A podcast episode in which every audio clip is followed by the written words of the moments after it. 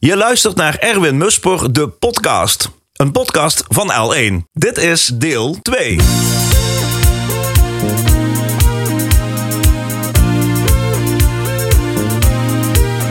Erwin Musper is producer. In zijn lange carrière werkt hij met vele internationale grootheden.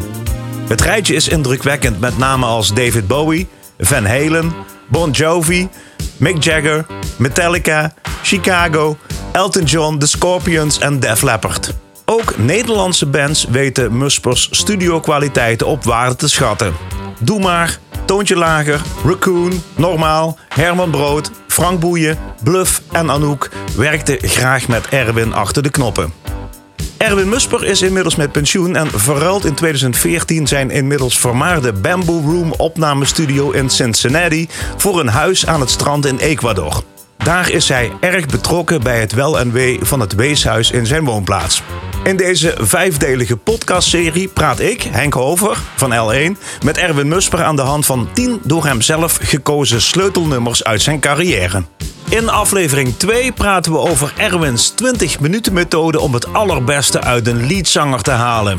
Avonturen met meestergitarist Paco de Lucia in Wisseloord. De eerste keer naar de States voor opnames met niemand minder dan David Bowie. En mixen op de millimeter met Def Leppard. Dit is Erwin Musper, de podcast deel 2. Een podcast van L1. We waren blijven steken bij de hit Zoveel te doen van Toontje Lager. Mijn bed moet ik verschonen, ik moet naar de wc. Belastingformulieren, laat zo'n week of twee. Ik zou langs bij haar vanavond, of kwam ze nou bij mij? Mijn agenda moet ik bijhouden, maar ik heb te weinig tijd, te weinig tijd. Zoveel te doen, ik heb nog zoveel te doen. Ik moet nog hinkstap springen op de maan. Zoveel te doen, ik heb nog zoveel te doen. Ik moet hier ooit nog eens vandaan.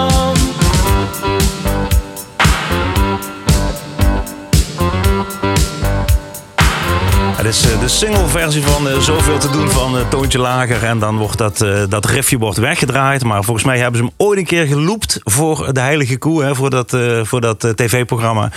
En is dat ook een, onwiskenbaar, een onuitwisbaar ding wat in het Nederlandse geheugen zit. Toch heel even, want ik heb vroeger, ik ging wel eens naar Toontje Lager kijken. En dat was best wel een, een traditionele band. Gewoon een toetsenist en een gitarist en een bassist en een zanger, Erik Mezi. En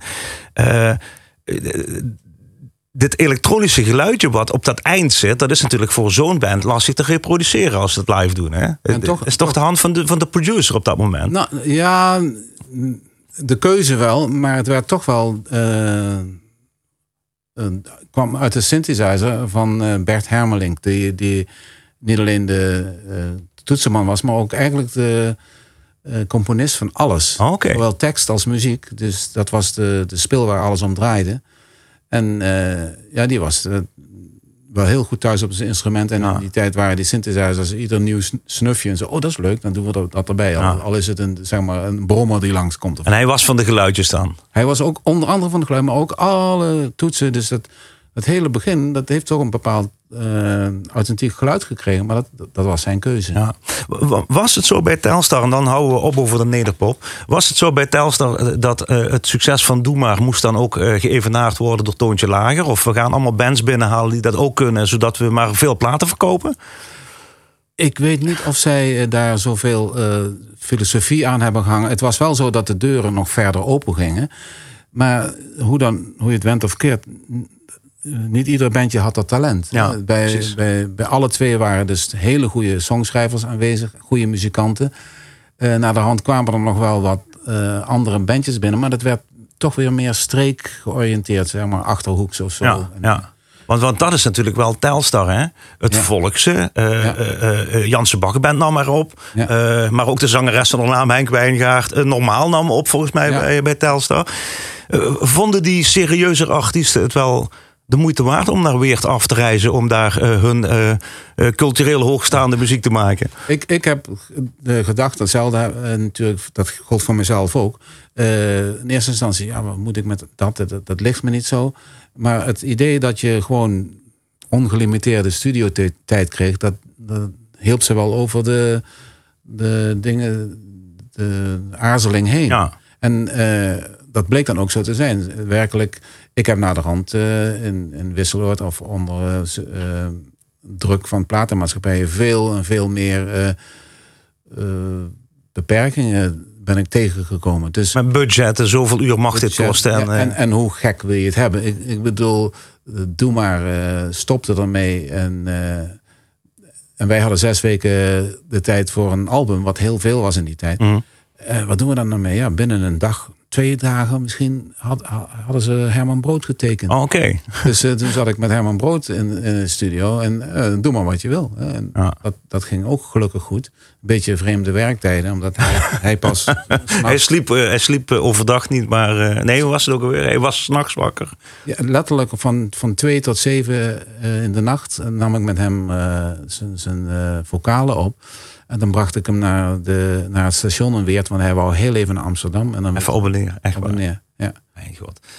hey Erwin, ja, je zei net iets wat mij toch is bijgebleven. Zo van, jij zegt, ik heb een uh, uh, uh, methode om ervoor te zorgen dat een zanger of een zangeres, een vocalist, hm.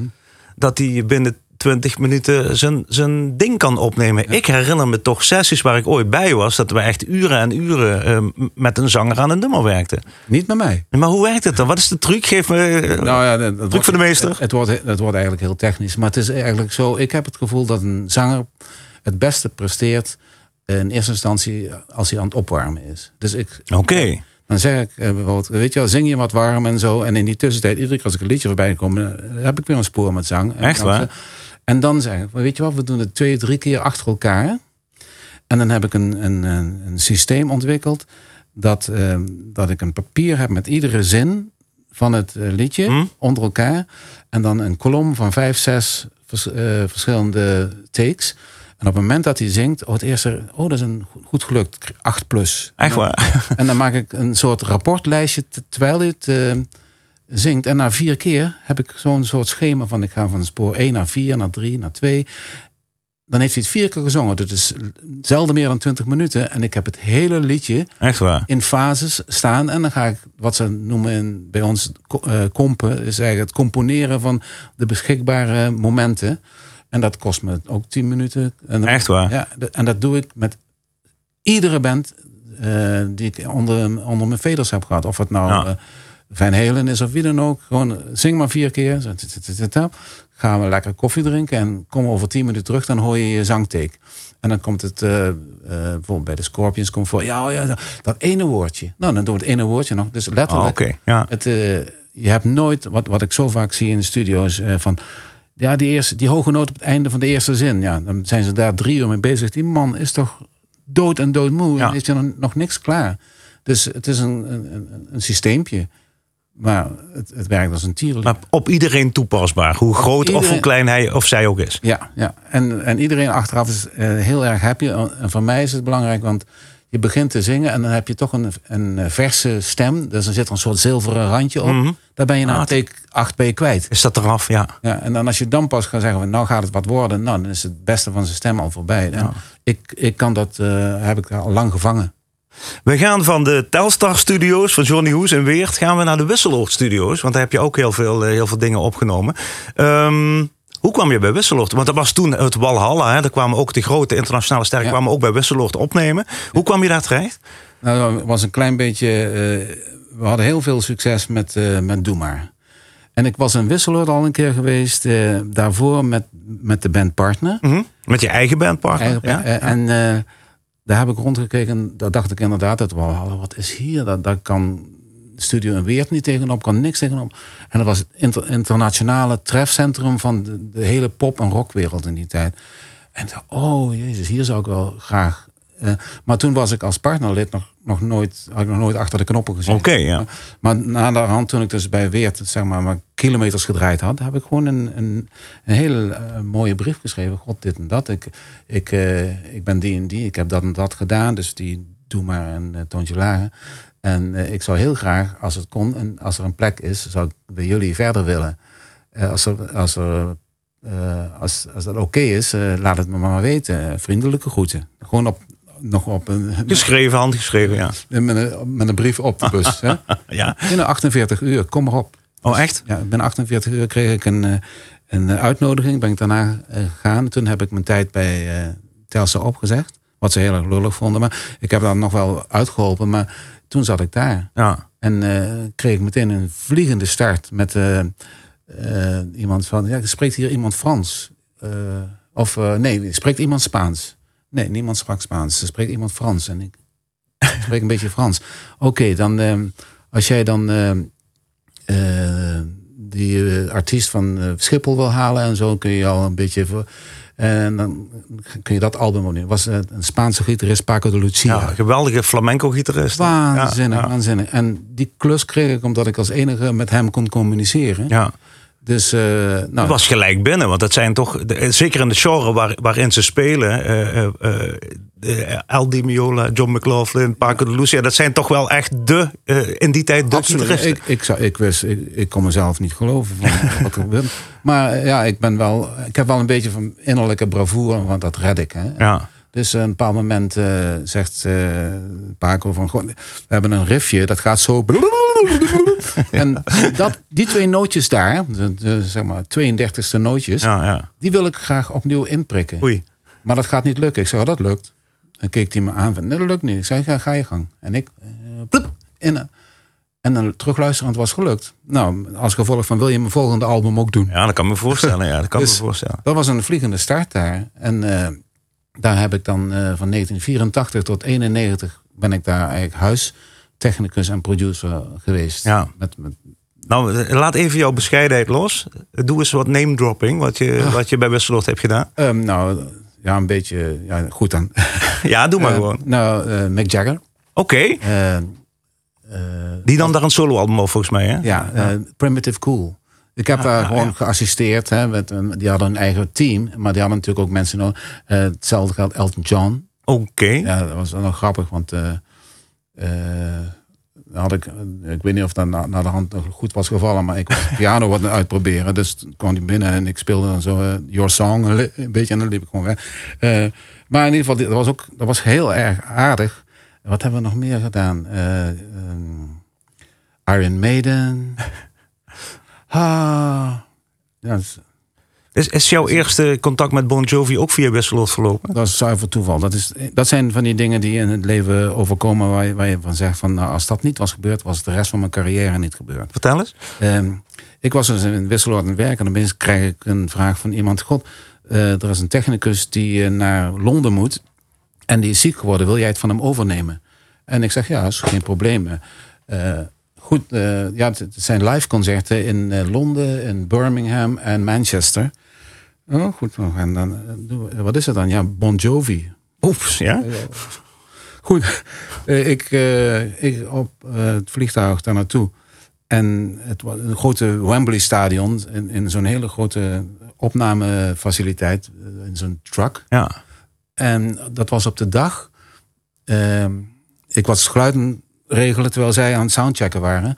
En toen waren ze een, ehm, een nummer Pretty Woman van Roy Orbison aan Ja? het oefenen. Want die was op die dag overleden. Oké. Dus dan wilden ze s'avonds dat doen. Dus ik had wat meer tijd en zo. En ik eh, zette geluid neer. Eh, en eh, toen ik klaar was, doe ik mijn veder naar beneden. en Rust. En kwam iemand binnen en die zegt... Hallo, eh, my name is Bruce Fairbairn. Eh, ik, ik ben de producer van Bon Jovi.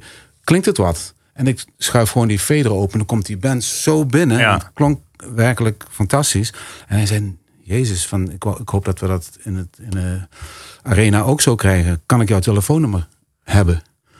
Ja, ik zei natuurlijk. Hè. En ik dacht, dat is typisch Amerikaans. eh, Een je beetje mooi weer spelen en dan hoor je nooit meer nooit meer van. Ja. Dus Ja. ik geef hem mijn telefoonnummer. En ik ga naar huis en ik krijg drie weken later een telefoontje of ik met hem eh, David Bowie wil komen op. Oh, echt waar? En dat is toeval. Als die ene technicus niet ziek was geworden, had ik die avenue nooit gevonden Ja. of gekregen. Waar heb je Bowie opgenomen? In, ehm, in de studio, A&M studio in ehm, Hollywood. En A&M studio is de oude studio in de jaren twintig eh, van Charlie Chaplin. Dus ook een Charlie Chaplin stage en allerlei dingen. Maar het was in die tijd was de grootste studio van, eh, eh, van heel Los Angeles. En ik kwam daar als broekie voor de eerste keer in Amerika eigenlijk. Hè? Dus ik, ik, kon mijn ogen, mijn oren niet geloven. En ik kwam daar binnen en dan, ja, je, je, bent, de, je bent de technicus. Dan word je met alle eh EGA's behandeld. Ja? Ja, het is niet te. Want je komt met, eigenlijk kom je met de artiest mee, hè? De artiest heeft jou geboekt. Of de producer Ja, heeft ja, jou ja. geboekt van hij gaat dit doen. Ja, Dan, dan- zul- dan zul je wel wat kunnen, toch? Dat, dat, dat denken ze dan. en dan moet je het iedere keer weer opnieuw bewijzen. Ja. Hè? Maar dat, dat, dat, eh, hoe heet dat, dat, dat komt straks nog een leuke verhaaltje. Maar ik, ik denk dat David Bowie een hele, heel eigenzinnig muzikant was. Die precies wist wat hij wilde. Dus dat hij ook tegen jou zei van nou, ik wil dit graag zo, dit graag zo. Dit, heb, je dan, daar heb je daar inbreng in bij zo'n man? Nou, tegenovergestelde. Ik, eh, ik eh, zette alles op, de hele, hele band, eh, klaar voor de opname. En toen kwam hij, hij kwam wat later binnen. En toen vroeg ik aan hem, God, bevalt het geluidje zo? En zegt hij van, nou, kijk, jij bent ingehuurd als technicus. Dus als jij het goed vindt, vind ik het ook Oh, goed. echt waar? Ja, dus hij- you, you, you do your job, I do mine. En, dus het was vanaf het eerste moment was dat eh, probleemloos. Ja, want er staat één Bowie-song op jouw eh, lijstje. Dus ik heb er nu even twee omgedraaid. Eh, like a Rolling Stone. Ehm, volgens mij op het album van Mick Ronson staat dat. Ja, dat is naar de hand gebruikt En Mick geworden. Ronson is de... Even help me, wat is de oude gitarist van Bowie? Ja, die is overleden. Ja. En daar werd een tribute album gemaakt. En daar werd, is dit nummer onder andere op terechtgekomen. Ja. Ja. En heb jij hier iets meer van doen? Ik heb het opgenomen en gemixt. We gaan luisteren. like a Rolling Stone, natuurlijk oorspronkelijk van eh, Bob Dylan. Maar dit in de uitvoering van Mick Ronson samen met David Bowie.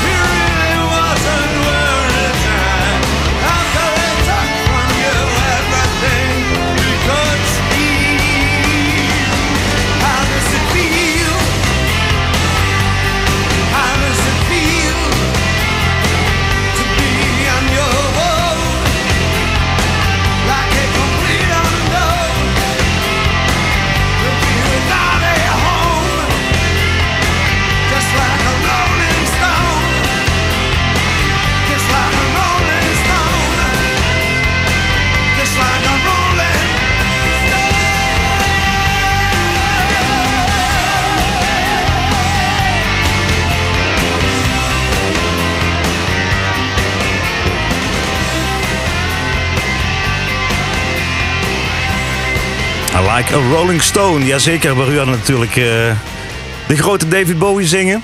En eh, knallende gitaren. Nou heb je mij net verteld eh, dat je heel erg in beelden denkt. Zo van, oh, als ik een track hoor, dan zie ik het beeld er weer bij. Van toen is het opgenomen. Nou, doe je ogen dicht, wat zie je? Ehm, dan zie ik ehm, David Bowie links van mij in een ruimte zoals je hier, hier ziet achter glas. Achter glas, ja. Met een akoestische gitaar. Een sigaret in zijn mond zo. Deed hij een akoestische take. En in het midden van het eh, liedje brak een snaar. En toen wilde ik de band stopzetten. En toen zei de producer... Stil, laat hem doorgaan. En het is afgemaakt. Hij is ook niet gestopt met spelen. En dat, die take hebben we gebruikt. Dus, Echt waar? Ja. Dus ergens hoor je zo'n klokje van de... Boing, ja. ja. Dus eh, dat, dat is me dan. En, en dan de gesprekken die we hadden. hè. Ik heb een, een leuke foto van hem met mij eh, in die studio. Eh, maar gewoon, dat is het mooie van, van, van die super artiesten. Als je eenmaal bij elkaar bent en je bent bezig met je werk en je doet dat goed, dan, dan vervallen die, die dingen van eh, ego of weet ik wat. hè. Ja, status eh, valt weg. Nee, dat is gewoon allemaal, we doen allemaal ons werk en we hebben we het naar onze zin. En dan, dan, dan komen er allerlei gesprekken. Eh, David Bowie bijvoorbeeld is een gigantische liefhebber van wat, wat ze in Amerika doen, stand-up comedy. Oké. Dus iedere dag zat er wel een of andere, had hij iemand uitgenodigd eh, die, die dan daar was. En dat was dan zo'n eh, stand-up comedy gast die ik dan niet kende. Want het was mijn eerste trip naar, eh denk maar Billy Crystal of zoiets. Ja, je komt ja. van binnen. Eh, dus dat was gewoon eigenlijk een hele relaxte sfeer. Ja. Je vertelde tijdens de plaat ook dat hij wel eens eh, muzikanten meenam naar de studio... die hij dan de avond tevoren ergens had gezien. Ja, dat, dat was eh, het allerleukste natuurlijk. Dat hij zegt, ik was in een club in, eh, in Hollywood en er speelde een jong bandje en die gitarist beviel me wel. Dus eh, zei, had ik tegen hem gezegd van kom morgen even langs, dan kun je bij mij wat opnemen. Dus ik zie die jongen de dag daarna, meldt hij zich bij mij. Van hi, eh, I'm Slash. Eh, en I was invited. En, ik, ik ken hem natuurlijk ook niet. Maar achteraf... eh, de de gitarist van Guns N' Roses. Guns N' Ja, Roses. ja. Hè? Dus maar dat zijn van die dingen. Da- David Bowie was altijd wel iemand die eh, eh, op instinct afging. Ja.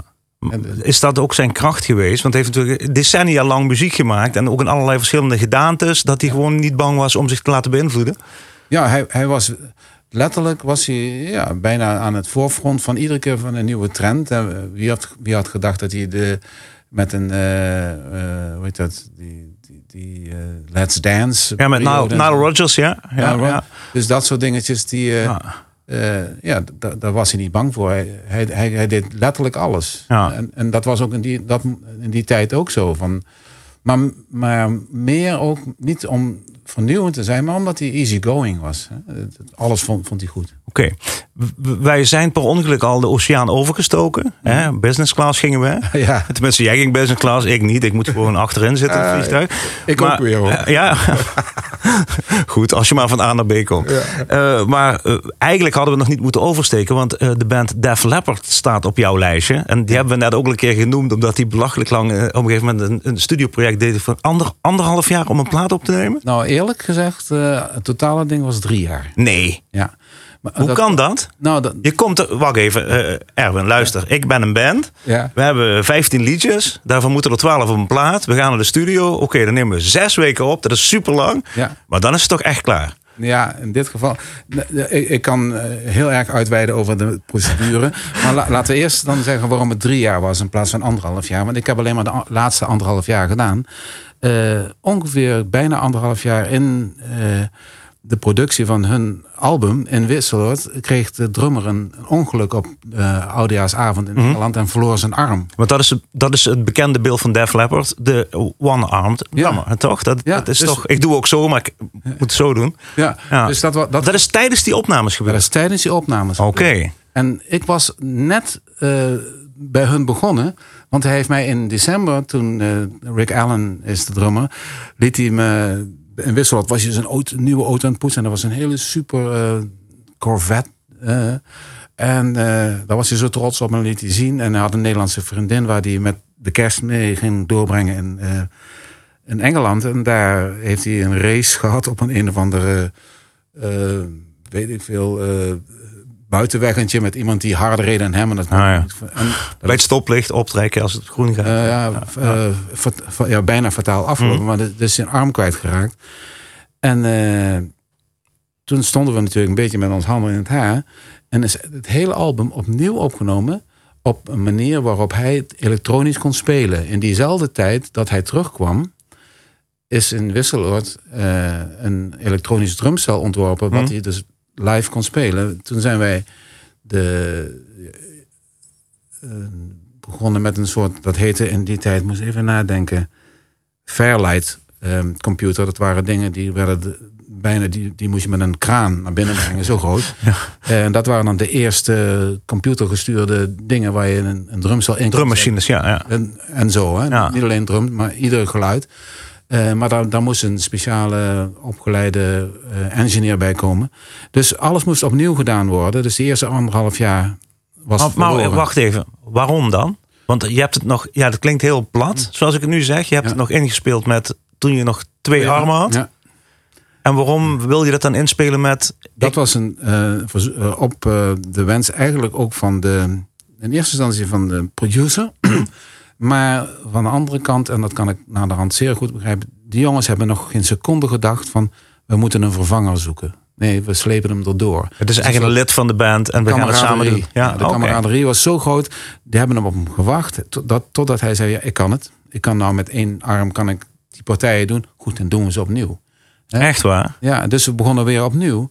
En eh, voor de rest dat het zo lang duurde, is dat de ehm, eh, producer had een, een, een, een eh, gevoel voor eh, perfectie.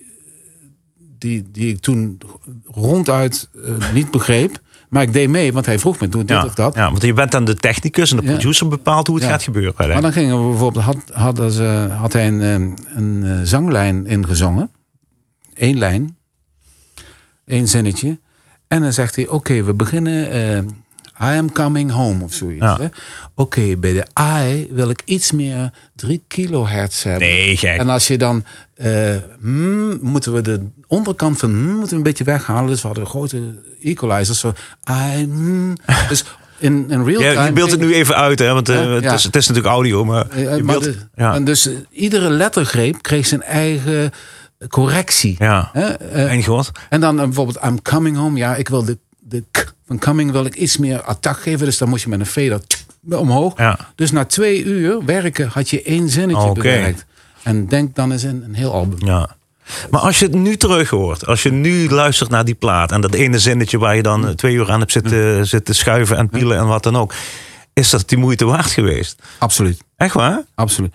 Ik, laat ik het zo zeggen. eh, ik heb daar zoveel geleerd. Ik, ik vond het idioot. Maar je kunt natuurlijk zoiets ook doen. Iets minder mi- microscopisch. Maar ik ga wel bijvoorbeeld. Oh, in het refrein zingt iemand iets hoger. Dan wordt die klank. Geef ik hem een beetje meer onderkant. Ja, Eh, ja, ja. Zeg maar dat soort eh, eh, sonic treatments. die, die ga ik dan doen. Alleen niet per lettergreep. Maar per coupletje. Ja, precies. Dus- de, grote stukken, ja. De grote stukken. Dus, en dat werkt wel. En, en dat vind ik, dus dat is eigenlijk een soort eh, uitvoer, mijn uitvoering van, van zijn eh, precisie. Mhm. Dus eh, ik heb nooit gedacht van hij, hij is gek. Want het sloeg wel ergens op wat hij zei. Als zij zei, geef dat eens wat meer in die frequentie, dan was het ook echt beter. Ja, noem maar op. Een ander ding bijvoorbeeld, de bas. Iedere noot van de bas kwam op een ander spoor terecht. Zodat je als je boem, boem, boem, boem, boem, boem, boom mhm. boem. Ah, oké. Iedere noot kwam op een zodat hij ook die noot kon eh, eh, bewerken. En als je ze dan allemaal tegelijkertijd op multitrack liet horen, dan was het toch één baspartij, maar Ja. het klopt van, voor tot achter. Dus zelfs de muzikanten zeiden van, we zijn al eh, drie avonden bezig en we hebben de eerste riff van het liedje erop.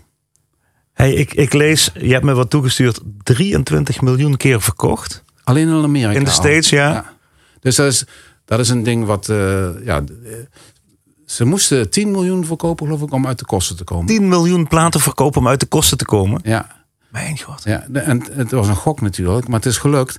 En dat is, dat is de plaat waar, waar mijn naam op staat, die het meeste aantallen heeft verkocht. Ik heb in totaal, geloof ik, eh, staat mijn naam op 80 miljoen platen. Zo. of zo ja. Ja. Eh, maar dat was dan de, de, de grootste hit. Dus werkelijk, dan, wat kun je dan zeggen van die producer, is die gek geweest? Nee, die is niet gek geweest. Die wist precies wat hij wilde. Hey, we gaan eh, rocken met Def Leppard. Welk stuk wil je graag horen? Nou, eh, hun eerste grote hit, en eh, vooral in Amerika werd hij in iedere stripclub uh, Oké. Okay. Pour some sugar on me. Step inside, walk this way, you and me, babe.